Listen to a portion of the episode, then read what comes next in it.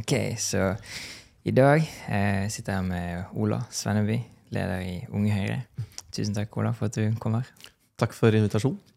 Ok, eh, Kan egentlig bare hoppe rett inn i hva er det du brenner mest for? Liksom, hva, er, hva er Ola sine hjertesaker? Det tror jeg, altså, det er liksom variert opp igjennom. Eh, og jeg føler egentlig at jeg blir bare veldig, veldig engasjert i det som ofte er det store temaet i samfunnsdebatten. på en måte. Ja. Sånn som Det siste året så har det jo vært veldig mye ting som har handla om Ukraina. Ja. Og som har handla om internasjonalt samarbeid, internasjonal solidaritet, den, den biten. Så det er definitivt det som liksom har vært hjertesaken det siste året. Men den, eller det politiske temaet som har liksom har vært med meg lengst, tror jeg er skolepolitikk og utdanningspolitikk. Og det gir alle gode muligheter gjennom skolen. Det er liksom nummer én gjennom, eh, gjennom alle årene jeg har vært i Ung Høyre. Og det tror jeg også er, det vet vi jo, vi har jo sånn medlemsundersøkelser og vi måler Ja. hva medlemmene våre er mest engasjert i. Og det er alltid skole på nummer én. Ha? Mm. Er, det, er det overraskende? Ja, eller jeg syns det var litt overraskende, egentlig. Men jeg syns noe av det kuleste som du sa som jeg ikke har tenkt på før, egentlig, er det at eh, ofte når jeg snakker med engasjerte folk, liksom enten er politikere eller noen som er i frivilligheten, og sånn, så har de ofte sine hjertesaker gjennom alt, på en måte. Men jeg tror det, det høres i hvert fall skikkelig viktig ut at hvis du er i politikken, i hvert fall, så må hjertesaken din også handle mye om ok, men hva er faktisk viktigst nå for samfunnet vårt. liksom. Ja. Eh, og virkelig bli engasjert, liksom. Skjønne alt det her, da. Så Ja. kult. Mm, Gøy svar. Jo, takk. Nei, man blir jo, altså det, men ofte så tror jeg sånn hjertesaker Det er jo noen som melder seg inn i politikken som har én hjertesak. Typ sånn eh, De er veldig for kjernekraft. Ja. Og så er det litt sånn tilfeldig om de havner, havner i Unge Høyre eller FPU, eller om de havner i SU, RU eller AUF.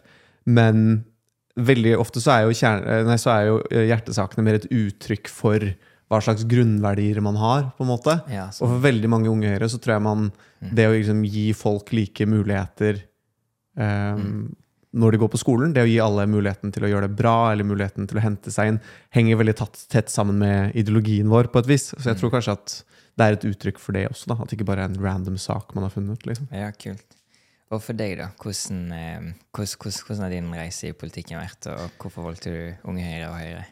Um, jeg meldte meg inn i Unge Høyre da jeg gikk på ungdomsskolen. Så det er faktisk ti år siden, og det er veldig rart å tenke på. Men jeg har vært mellom mange i ganske nøyaktig ti år i april. Nice. Ja, det var jeg litt eh, tilfeldig, egentlig. Jeg gikk i en klasse hvor vi hadde en veldig samfunnsengasjert lærer, som også klarte å dra med seg liksom, elevene i diskusjoner som handlet om politikk, som handlet om liksom, dagsaktuelle samfunnstemaer.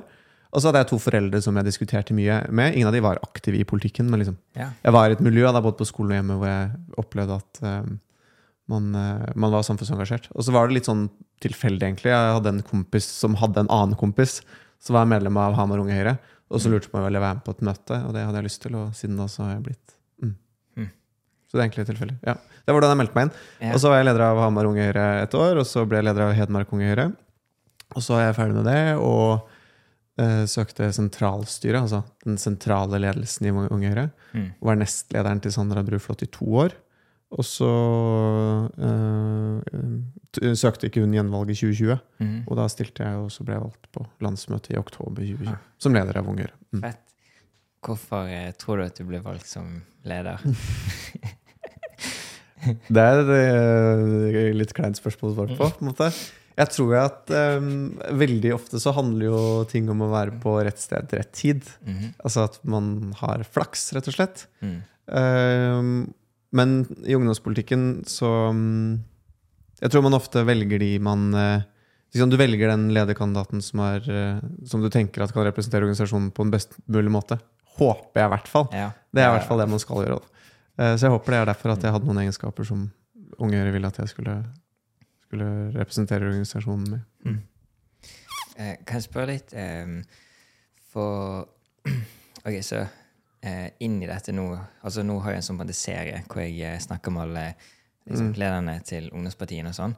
Um, og så har jeg skjønt at det er ganske stor forskjell på størrelsene Ja. av eh, partiene og sånn. Eh, noe jeg håper jeg egentlig ikke visste eller tenkt så masse på, egentlig. Um, Unge Høyre, er det, det, er da en av de største? Eller Ja. det største? Eller kanskje AUF er nok størst. Større, ja. Altså I medlemstall så er AUF størst, og så er det oss på andreplass. Og sånn har det vært i ti år, cirka, tror jeg. Okay. Eller i hvert fall sånn i 20 år, kanskje. Det var en, episode, nei, en periode hvor eh, FPU og Unge Høyre kniva litt om å ha flest medlemmer, men det er ganske lenge siden. Eh, og så har du så Unge Høyre, eller AUF er desidert størst, og så har du Unge Høyre. Og så på tredje, fjerde, femteplass så har det vært liksom et sjikte som har vært ganske jevnt, Ja. med FPU, Senterungdommen, uh, Grønn Ungdom over det en periode. Så ja, Riktig. Eh, vet du sånn ish-tallene, forresten? Til sammen. Eh, ja, eller sånn hvor mange AUF-er, hvor mange dere har, og Det kommer veldig an på eh, Man kan jo regne på forskjellige måter. Men hvis man tar Ja, for det, er ikke sant? det første er jo da er det alltid ok, men er det alle som har meldt seg inn som er under 35, eller er det under 30? Ok. Da vi får penger fra den LNU, altså en sånn organisasjon som deler Ja. ut penger, så teller de bare medlemmer under 26 år som Ja. har betalt kontingent som er mer enn 50 kroner. Riktig. Eh, Så det er en del Ja. sånn teller man støttemedlem eller ikke. Men hvis man tar Ja. den LNU-definisjonen, da, Ja. eh, som er unge under 26 som har betalt kontingenten Jeg fyller 26 i år, som betyr at neste år, selv om jeg er leder av Unge Høyre, kommer jeg ikke til å telle hos dem. Yes. Så eh, tror jeg AUF har rundt sånn 5000-7000 der et sted. Mhm. Vi ligger rundt mellom 2 og 3, og så ligger det veldig mange rundt 1000. Oi. Så får du summere opp selv, tror jeg. Ja. Ja, ja, ja. Men det går veldig i bølger. Okay. Um, og så går Det veldig Det er alltid vanskelig å, sammenligne historiske medlemstall. For det var jo en stor skandale på 90-tallet hvor to AUF-ere ble dømt til fengselsstraff fordi at man hadde juksa med medlemstallene. Oi. Så det er jo alltid liksom, Den foreldregenerasjonen min da pleier jo alltid å si sånn Ja, men da jeg var medlem av Unge Høyre, så var vi 70 000 medlemmer. Er sånn, ja, men dere var også en del av den generasjonen som meldte inn bikkjer og ildre og Sånn, gullfisker og sånn. Ja, ja. Um, så det er, ja, Men det går litt opp og ned. Ja, og det er funny. Jeg, jeg driver frivillighet sjøl, og sånn, og der, der går vi også under på en måte LNU-definisjonen. Så under Ja. 26 år og det greiene. Men der har vi også hatt sånn eh, For vi jobber mye med dyrsrettigheter i den ene. Og det er folk som er sånn derre OK, men liksom familiemedlem. Sant? Det er jo sånn katt og hund. Bare, nei, nei, nei, nei, sorry. Men det der er nøyaktig grunnen til at Fordi veldig mange frivillige organisasjoner De får jo statsstøtte basert på hvor mange medlemmer de har. Mm. Yes. Ungdomspartiene gjør ikke det. Nei. Og det er fordi at det var på en måte motivasjonen til at man fikk et kappløp på medlemmer. Ja. eh, som gjorde at etter 90-tallet Det var en stor skandale. Jeg tror den ble kalt AUF-skandalen. Fordi alle Ja. hovedsak eller, Det var, fantes snusk i andre ungdomspartier òg, Ja, men vi hadde rydda opp litt tidligere. Um, så fikk man en endring, eh, slik at da skulle ikke lenger, eh, lenger eh, den type medlemmer telle. da Wow. Mm.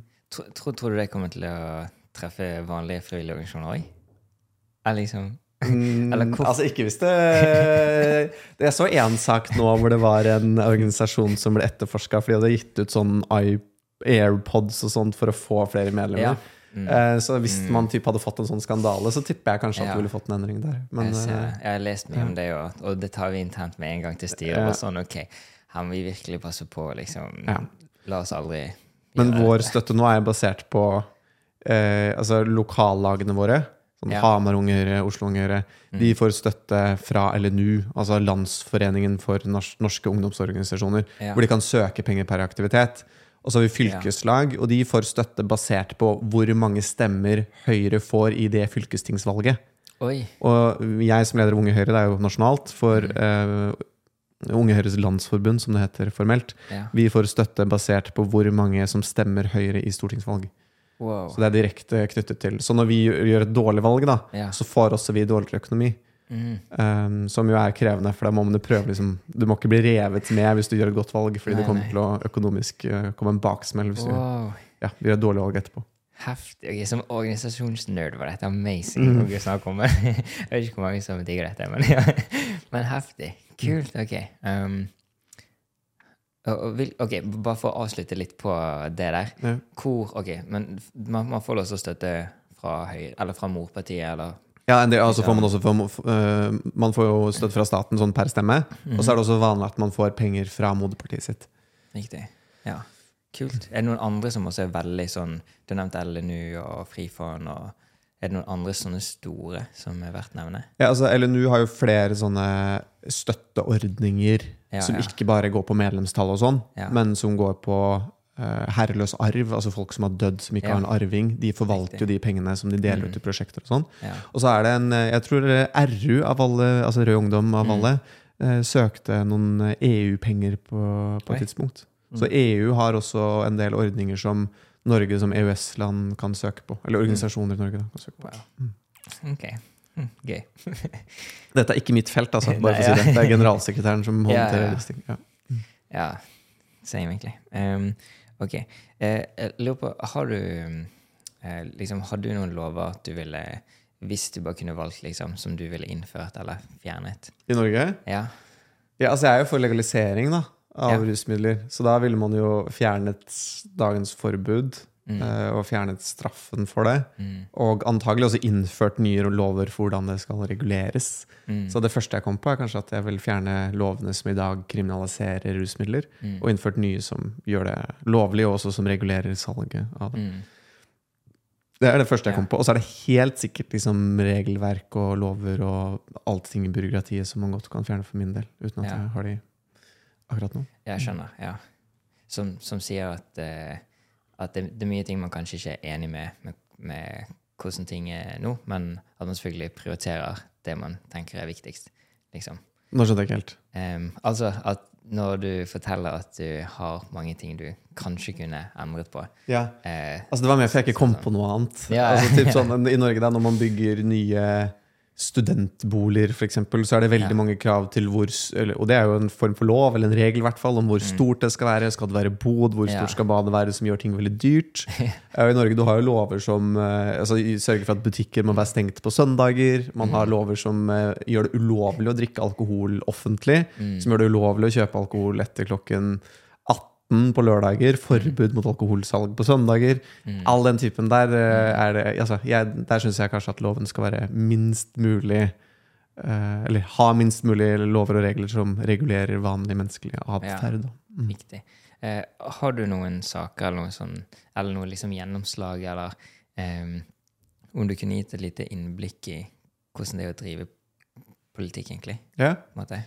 Eh, Fra et ungdomsperspektiv, eller ungdomspolitikerperspektiv? Ja. Ja.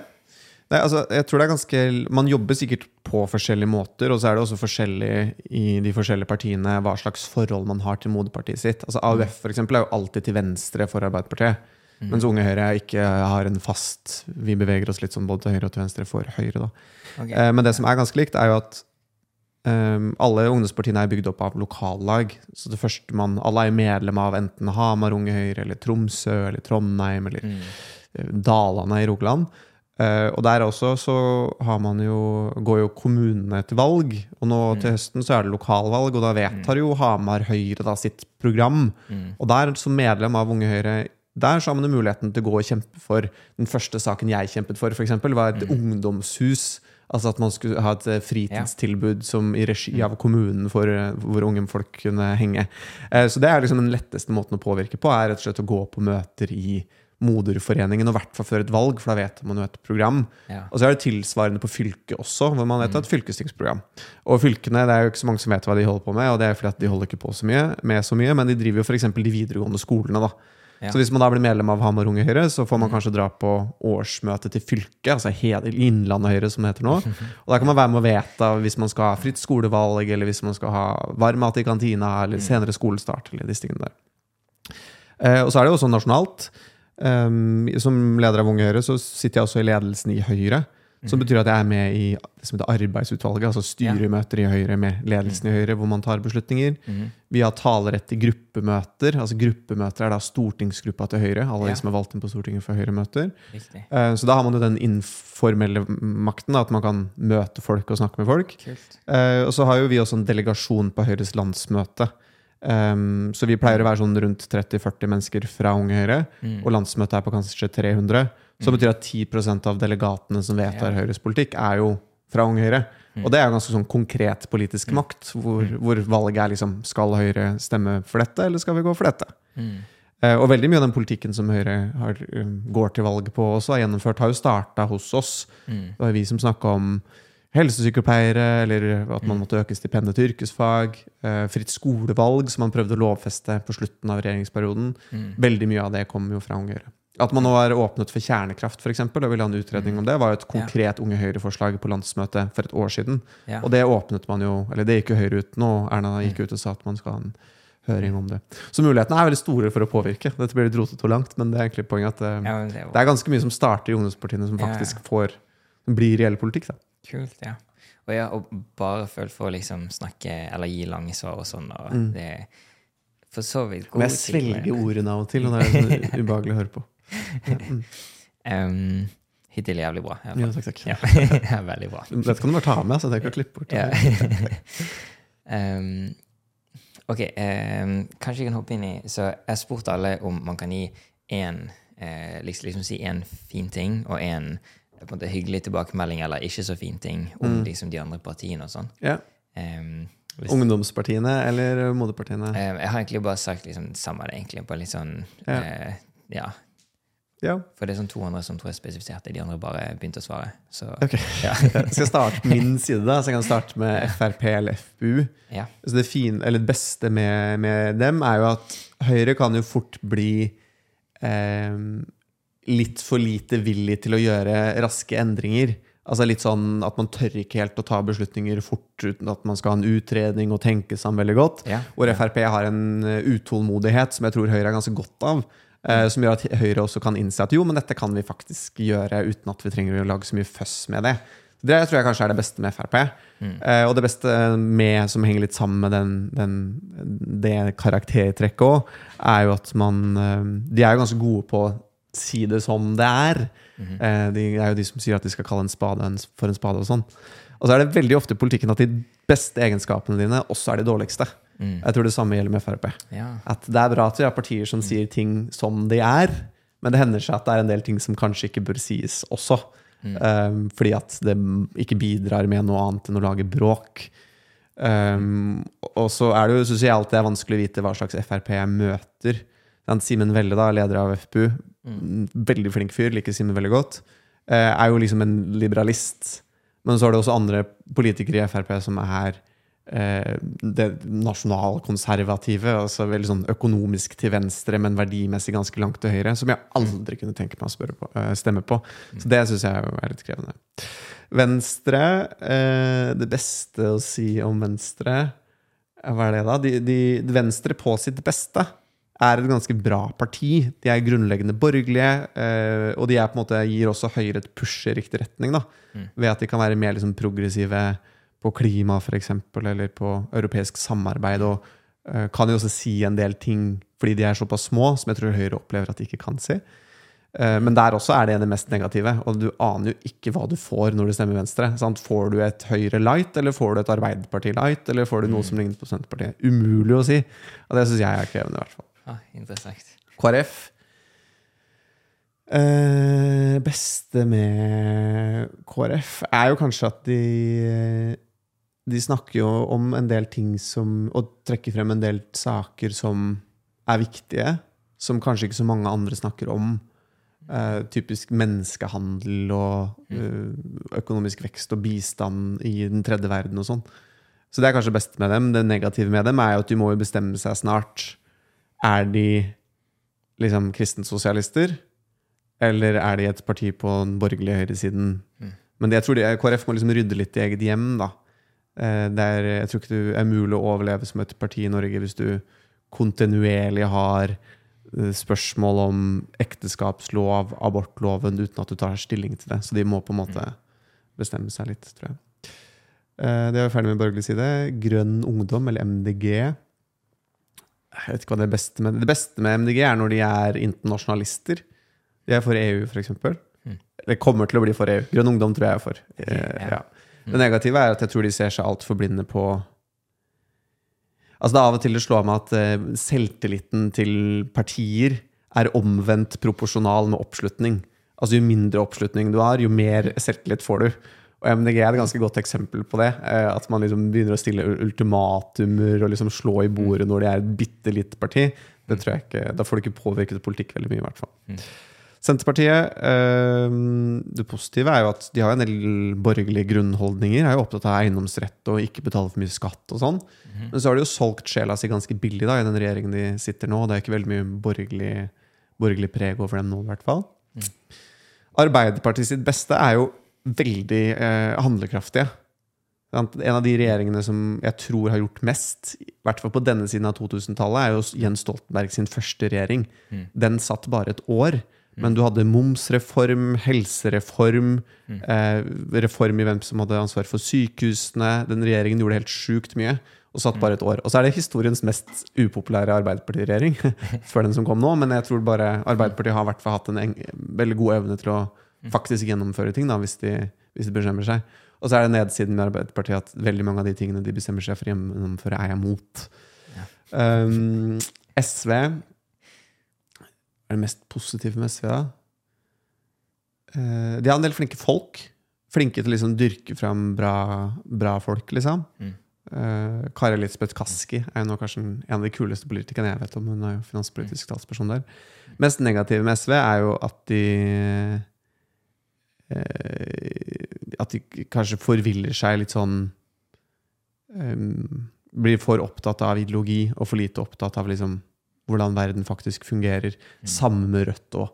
Den våpendiskusjonen og våpen til Ukraina er det beste eksempelet på det. Er sånn, jeg driter litt i hva et hvilket som helst vestlig land gjorde i år 2000. Det kan være galt, det kan være riktig, Mm. men det bør ikke være avgjørende for hva Norge skal mene i dag.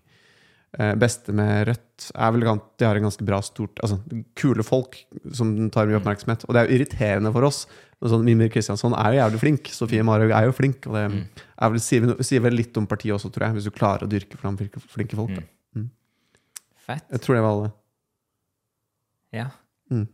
Eh, Senterpartiet. Jo, jeg tok de òg. Du tok de òg? Ja. Ok, da hører jeg igjen når du får nytt. Whoops. Det var det jeg sa, at uh, de har jo en borgerlig grunnholdning, men de har solgt seg billig. Ja, de har solgt seg billig. Ja, det er var de, ja, riktig. Mm. Eh, men du nevnte masse, og jeg syns det var veldig fett. Sånn, eh, det ene var eh, hvor bra det er liksom når man får til masse, som du nevnte med Ja. Arbeiderpartiet og sånn. Eh, og det siste du nevnte nå, eh, med å dyrke dyktige folk. Mm. Hvordan gjør man det? Eller hva, hva, ja, hva tenker du rundt det? Altså, jeg tror det, det er jo alltid mange debatter som handler om sånn ehm, Nå da, ikke sant, Erna er veldig populær, Jonas er veldig upopulær. Det har alltid vært en diskusjon om hva som gjør politikere populære og upopulære. Og jeg tror at det finnes ingen fasit på hva en populær politiker er. Fordi du, hvis du, Jens Stoltenberg var populær, er populær. Samme Erna Solberg.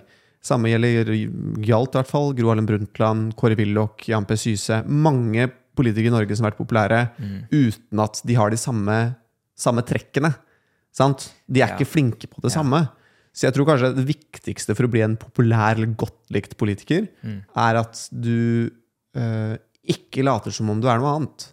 Ja. Hvis, du, hvis du ikke er flink til å snakke for deg, så må du være ærlig om at det er ikke din største styrke. Men at du på et vis klarer å gjøre styrkene dine størst mulig, og svakhetene dine minst mulig. Det tror jeg er mye av kjernen for hvorfor man blir en populær politiker. Og hvis man ser på Erna Solberg, for eksempel, da, som nå er populær og egentlig vært det veldig veldig lang tid, så tror jeg det handler om at um, på en ene side, Du kan kritisere Erna for å være direkte. Sant? Du kan kritisere henne for å ta kamper som ikke er populært for henne å ta.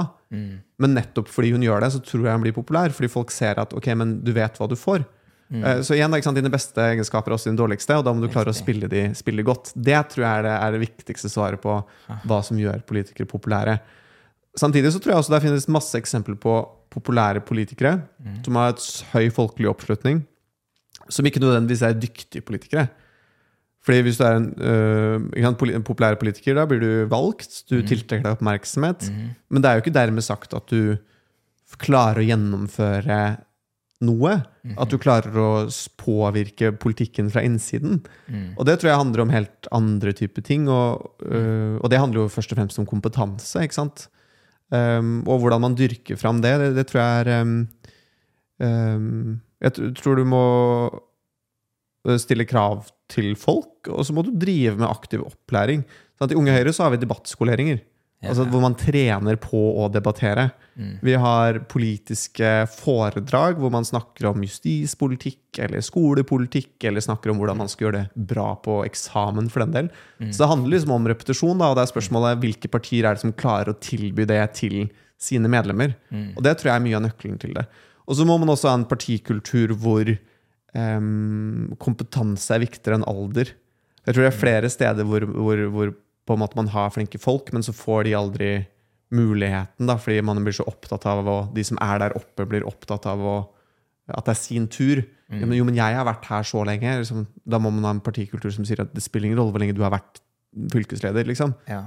Så lenge Martin er flinkere. Da er det Martin sin tur. Så jeg tror det er de to tingene. Du må gi folk tillit, og så må du ha et system som, som gir folkene de verktøyene de trenger.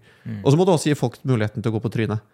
Eh, at Det at du har gjort noe dumt en gang, at du har Ikke tenkt sant. feil, eller at du har sagt i media noe du ikke skulle sagt, Ja. det betyr ikke at du, at du er ferdig, da, for da vil du aldri få på. Mm. Liksom. Mm. Er det mye sånn cancel culture sånn i politikk, forresten? Eller? Eh, kommer an på. Kan du spesifisere spørsmålet ditt? ja, det kan jeg. Altså at eh, noen Altså, hender det ofte at i politikken så eh, presser man på en måte ut Folk som har feil meninger? Ja, litt Ja. sånn. Mm. Altså Det korte svaret på det tror jeg er ja.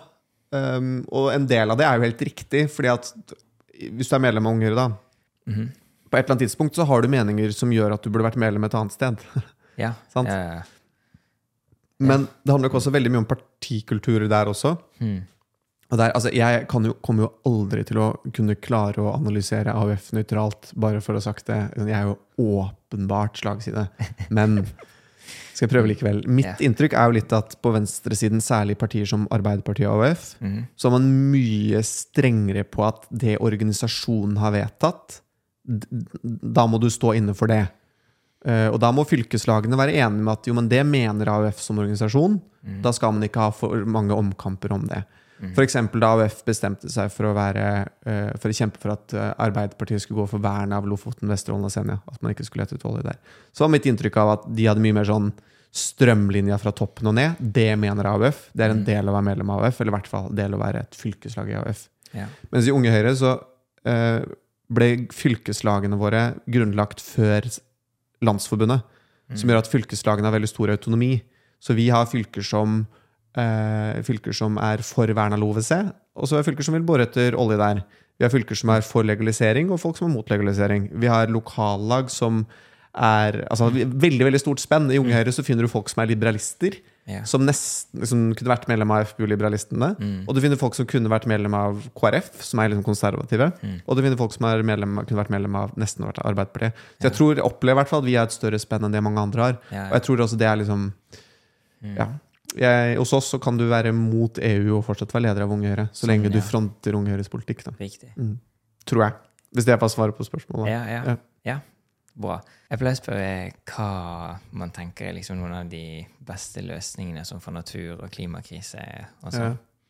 um, eller bare, bare litt tanker rundt, egentlig. Sånn, Ja. hva er viktig uh, når det kommer til de tingene, da? Ja. Eh, hva, hva, hva, hva tenker du, eller Unge Høyre? Et veldig stort spørsmål. Ja. Eh, Jeg tror eh, Hvis man skal si noe litt generelt om det, så tror jeg at det vanskelige er jo at vi skal gjøre flere ting på en gang. Mm. For i teorien, det å redusere utslipp eller redusere menneskelig aktivitet, er jo ganske enkelt. Det er bare å slutte å bruke olje, på en måte, eller slutte å bruke gass, eller slutte å bygge veier og grave naturen. Men det har noen ganske store konsekvenser. Det vanskelige er jo at vi både skal redusere utslippene, at vi må minimere forbruket av naturen, og at vi må resirkulere mer. Samtidig som vi fortsatt skal ha økonomisk vekst her, og løfte ganske mange millioner mennesker ut av fattigdom. Det gjør de tingene samtidig, er det, er det som er vanskelig. Og jeg tror at hvis man har som utgangspunkt at det er flere ting som skal løses på en gang, så gjør det at du får noen ganske krevende dilemmaer. F.eks. med gruvedrift da, eller sjødeponi.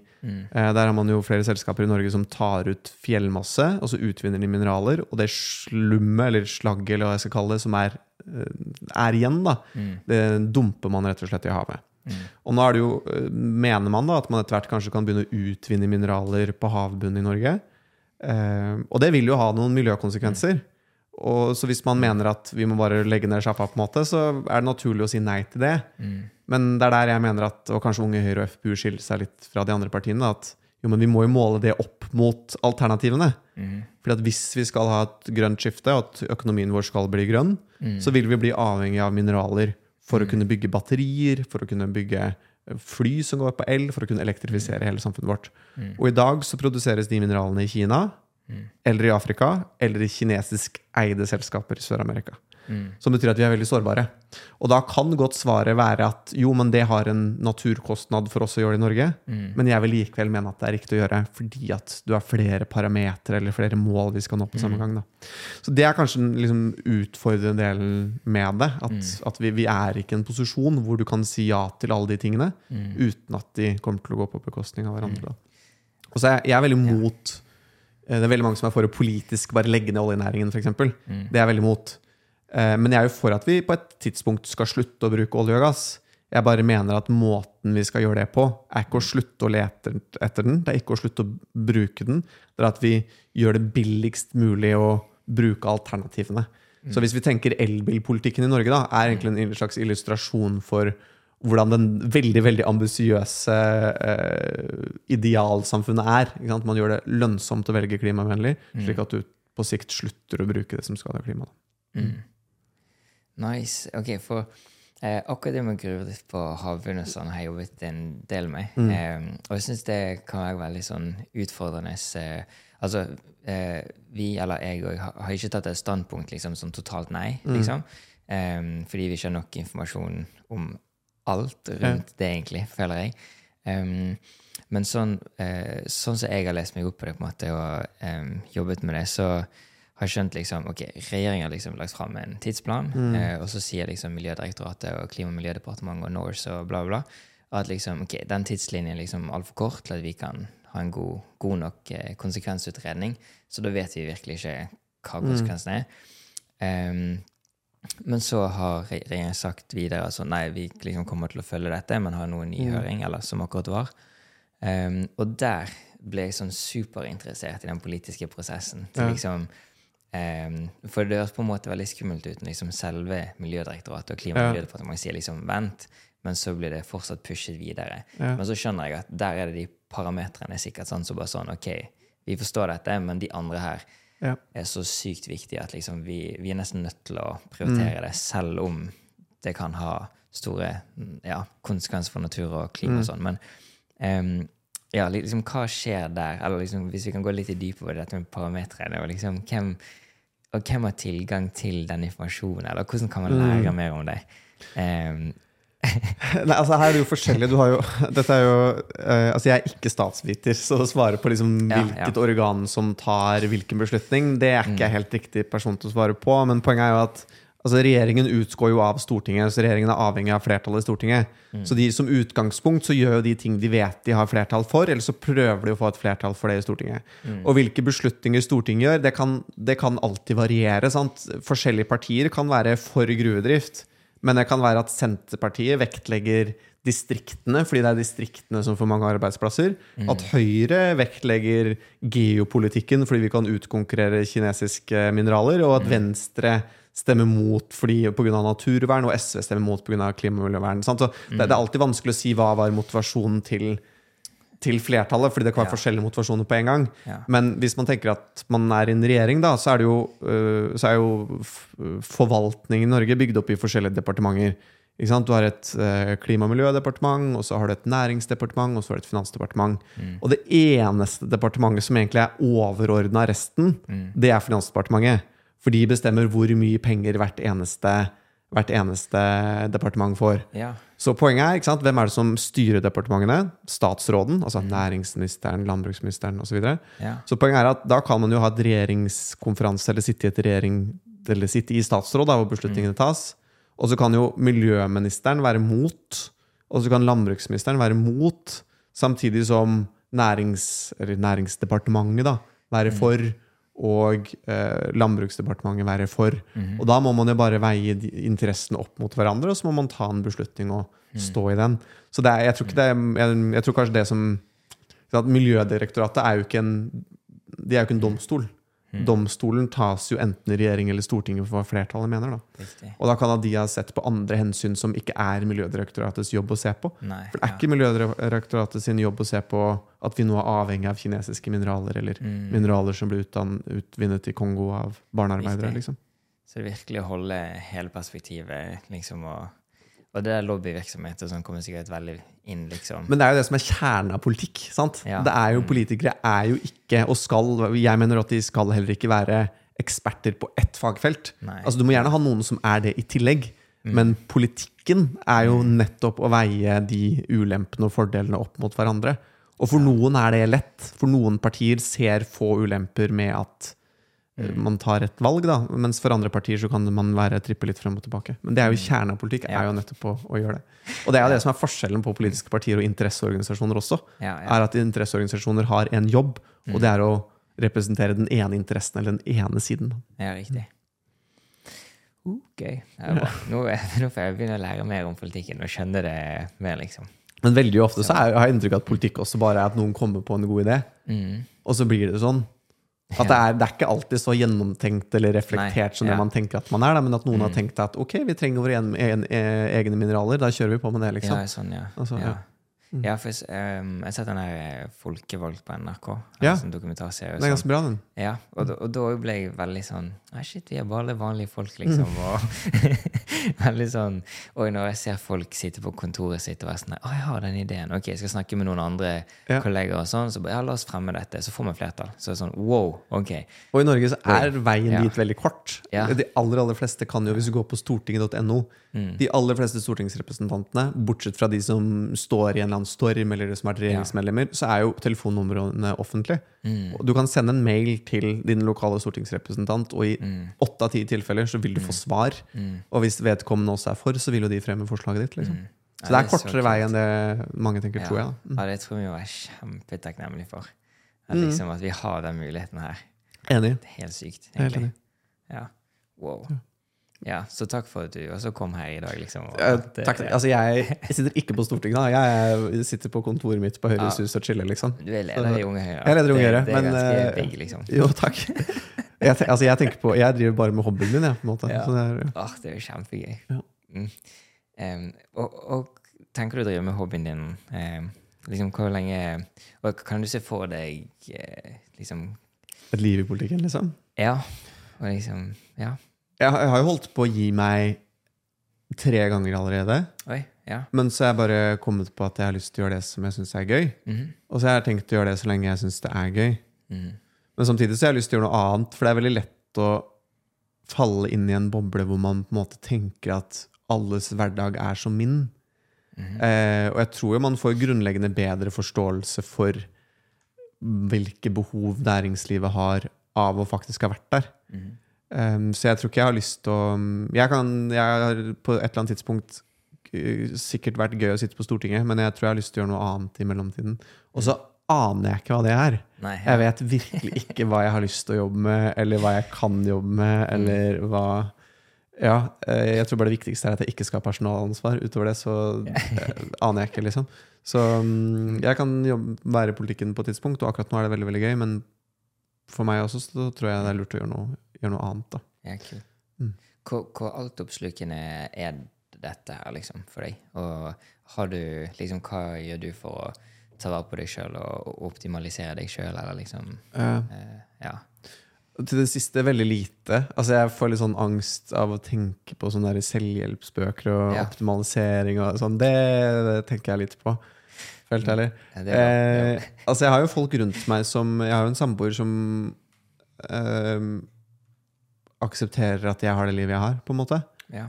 Eh, for det er veldig altoppslukende. Mm. Én ting er all den tiden man faktisk bruker da, på å ta bussen til Carl Berner og spille en podkast med deg, og så tilbake Mm. på kontoret og sånn. Det, er ikke- det er ikke ulidelige arbeidstimer, men det er det å alltid være tilgjengelig. ja. Eh, og så er det også Jeg merker at man blir ganske litt sånn utmattet av å hele tiden føle at man går med et ansvar. Mm. Eh, et ansvar at hvis vi skulle gjøre et dårlig skolevalg, så er det, det er jeg som har ansvaret for det. Mm. Hvis noe skulle skje, så er det jeg som har ansvaret for det. Det å gå og ha det, de tankene hele tiden, det tar jeg litt på. Så det er ganske altoppslukende. Jeg er en mye dårligere kjæreste, en dårligere venn. Mm. Enormt mye dårligere student enn det jeg hadde vært dersom jeg ikke hadde valgt å bruke så mye tid på politikken. Mm. Men jeg gjør det fordi jeg syns det er verdt det. For det har jo sine definitive oppsider også. Mm. Heftig. Kan jeg spørre, har du noe som liksom inspirerer deg, eller eh, Ja. Og hvorfor? Altså, det som inspirerer meg, er jo ofte Altså, jeg er ganske sånn følelsesmessig flat, så det er sjelden jeg føler meg sånn skikkelig inspirert. Liksom. Men de Ja. gangene jeg føler at jeg blir litt inspirert, er øh, å bli påminnet om hvor sykt viktig Unge Høyre er for veldig mange av våre medlemmer. Og det er veldig veldig fint å reise rundt i landet og se at de kjemper på talerstolen eller på, Ja. i møter med moderpartiene og få gjennomslag og bli valgt. og sånn. Det, det inspirerer meg. Mm. Det som motiverer meg, Mm. det er veldig ofte at jeg kan bli liksom forbanna eller irritert eller engasjert i en aktuell politisk sak. Mm det syns jeg er veldig motiverende, at jeg har muligheten til å ikke bare sitte hjemme og irritere meg, Ja. men faktisk Mm. oppleve at jeg får gjort noe med det. Det, det er det som Ja, det, det syns jeg er veldig motiverende. Ja, fett. Ah, ja, det vil jeg anbefale alle som har masse å klage på, Ja. å bli aktiv, liksom, og er engasjere seg. Ja.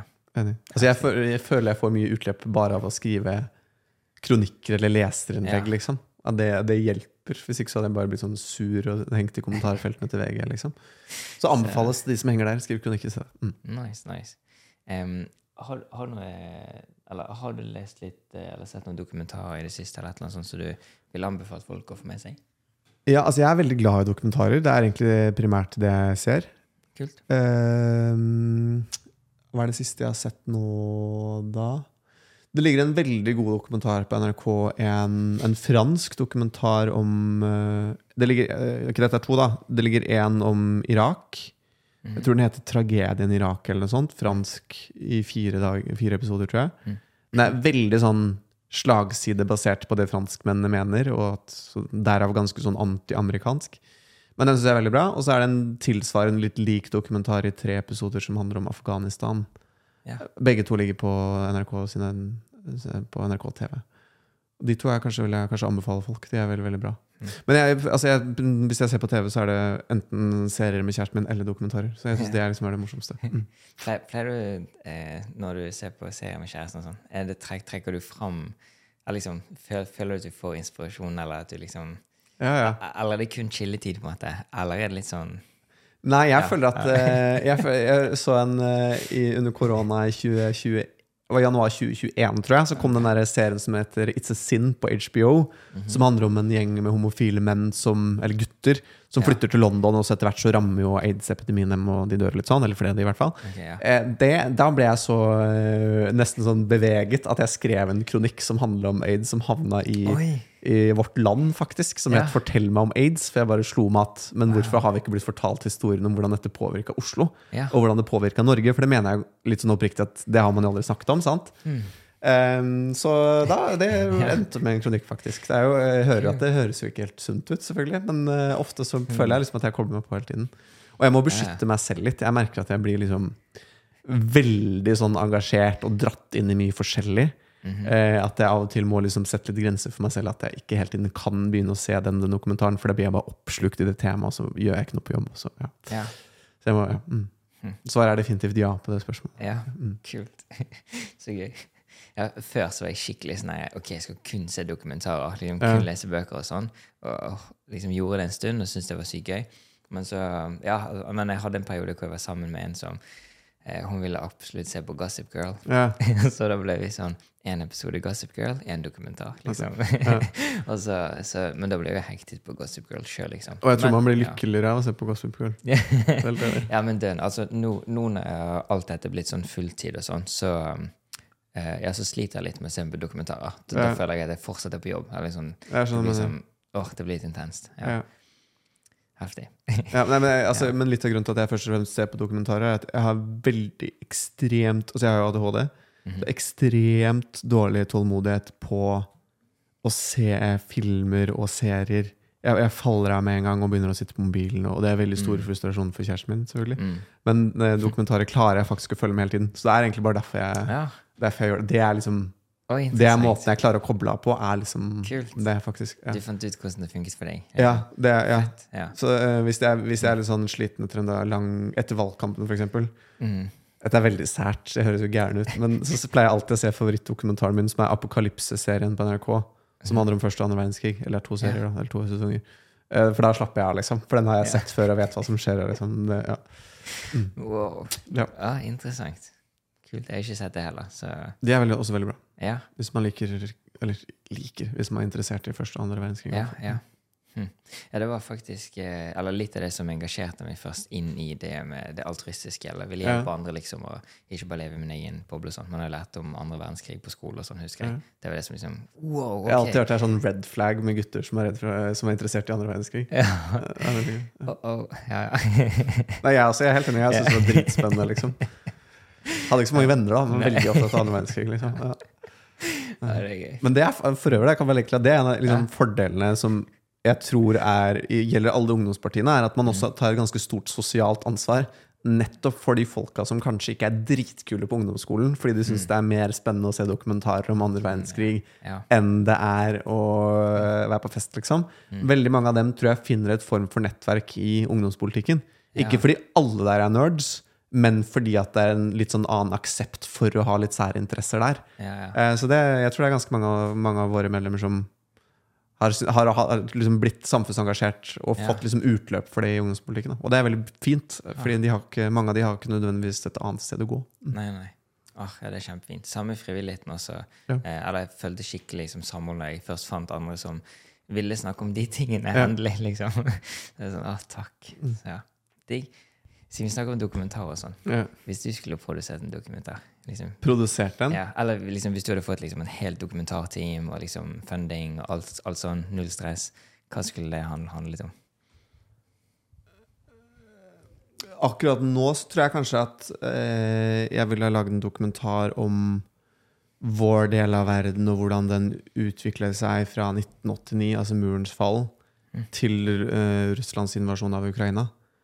For det, på et eller annet tidspunkt så vil jo den historieepoken, som jeg tror alle er enige med at det har vært en epoke, nå er vi på en måte på vei inn i en annen en. Mhm. Eh, hva, hva skal den hete? Hva vil beskrive den tiden som du og jeg da, har vært barn i, som foreldrene våre har vært voksne i, som de som er imellom der, har vokst opp i? Mm. Eh, hva, hva er det å si om dem? For den har jo vært veldig sånn avhørende nå. Eh, man har jo hele tiden, sant, fra 1989, murens fall, mer og mer internasjonalt samarbeid, mer og mer eh, slags deregulering. Eh, Så kom den første liksom, tilbakefallet kom med finanskrisen. Den andre kom, og kanskje siste kom, kom nå, men fullskala invasjon av Ukraina. Eh, og så er det alltid vanskelig å på en måte beskrive en tidsepoke når man lever i den. Men på et eller annet tidspunkt må det gjøres. Mm. Eh, og jeg tror at det kanskje ville, Det ville blitt en ganske lang serie, da. Wow. Men det ja, skulle den kanskje handlet om. Ja, det er jo litt deprimerende å tenke på. da liksom, sånn, Jeg føler meg litt sånn prøvekanin nå. At vi, vi går inn i en ny verden som er mer spent enn på lenge. Og den tiden vi har vokst opp i, er slutt. liksom Nå Ja. kommer det en ny tidsepoke. Hvordan ser du på fremtiden? Vi er veldig negativ. Nei, veldig eh, pessimistisk. Ja, Særlig for vår del av verden. hvordan Altså vel?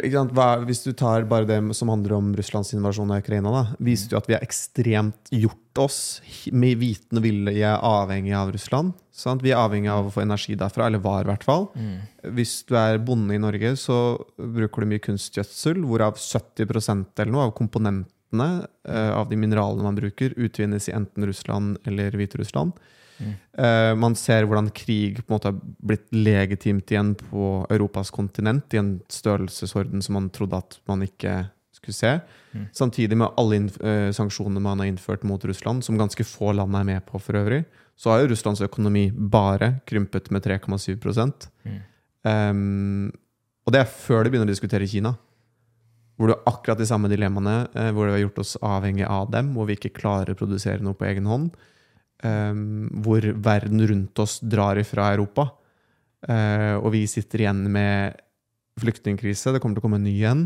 Vi har ikke løst på en måte, Det ligger jo ulmer en del sånn kulturkonflikter i hele Europa som handler om innvandring, religion, islam, liberal konservativ. Flere land blir mer autoritære.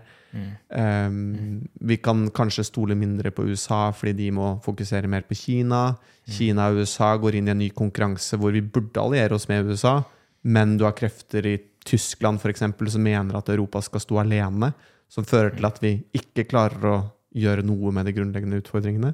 Mm. Og det er jo, Dette hørte jeg på et foredrag forrige uke, at man er i nærheten av å gjøre noen sånn megateknologiske fremskritt som handler om kunstig intelligens, Mm. som kommer til å skje neste tiåret, som man mistenker at kan forandre menneskeheten mer enn den industrielle revolusjonen gjorde. Mm. Og det er i vår levetid. Ja. Eh, og er Europa forberedt på det? Jeg tror ikke det. Så jeg er ganske negativt, helt ærlig. Litt sånn dommedagsprofet, nesten. Men ehm, dette var en eh, fyr i Unge Høyre som eh, siterte fra 'Ringenes herre', og det syns jeg er et ganske godt sitat, som heter at uh, du velger ikke hvilken tid du lever i, men du velger hva du gjør med den. Og det er i Ja. hvert fall det optimistiske nå. Jeg, Så kort oppsummert, ganske pessimistisk, helt ærlig. Mm. ja. Men du gjør så godt du kan med det. Ja, jeg, jeg føler ikke jeg har så veldig stor innflytelse på utenrikspolitikken til Tyskland, men vi Nei, prøver. ja, ser den. Og du, den, er kunstig intelligens og sånn, forresten. Kom, Mm. eh, kom, eller føler du at eh, liksom, Eller vet du om man jobber eh, mye eller nok med det eh, nå? Altså, Teknologmiljøene og forskere og universiteter og private selskaper jobber jo mye med det. Min bekymring er jo at politikere kanskje ikke gjør det.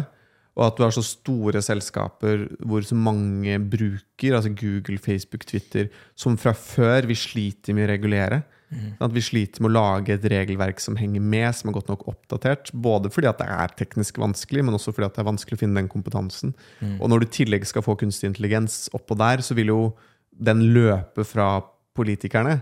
Og det er ikke det at jeg er ikke for at politikere skal mene noe om alt, men jeg er veldig for at ting skal være innenfor rettsstatens rammer og lov og orden, og at vi må ha kontroll på personsensitiv informasjon og sånn.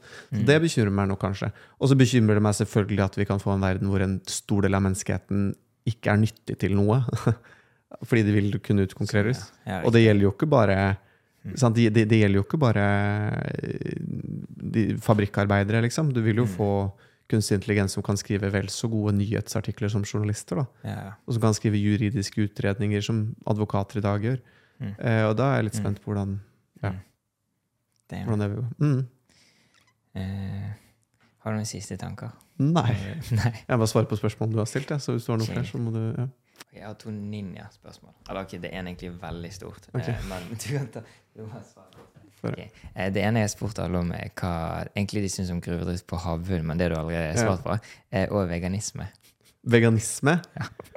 Altså Hvis folk velger å gjøre det, så må de gjerne gjøre det for min del. liksom. You do you. Nice. Jeg er bare veldig mot statlig veganisme. Ja. Ok, skjønner. Ja, Folk skal få lov å bestemme sjøl. Ja. ja, enig. Ja, kult. Um, og så, hva er et ideelt samfunn for deg, da? Altså Kjernen i konservativ ideologi er jo imot, sant, Liberalister kan veldig lett forklare hva idealt samfunn er. Sosialister kan veldig eh, lett gjøre det. Et av liksom, hovedpoengene med konservatismen som ideologi er jo at man mener at en ideell verden eksisterer ikke. Men at hovedoppdraget til politikere er å hele tiden forbedre det man har. Eh, Så jeg syns det er vanskelig å skrive et idealistisk samfunn. Altså, det vil jo være et samfunn hvor det er vanskelig å beskrive det på noen annen måte enn hvor man har størst mulig frihet, samtidig som man har et eller annet system som plukker opp de som trenger bistand. Da. Mm. Det er nærmest det jeg kommer å beskrive det. i hvert fall. Kult. Nice. Tusen takk for at du tok deg tid, Ola. Takk for invitasjonen. Chill.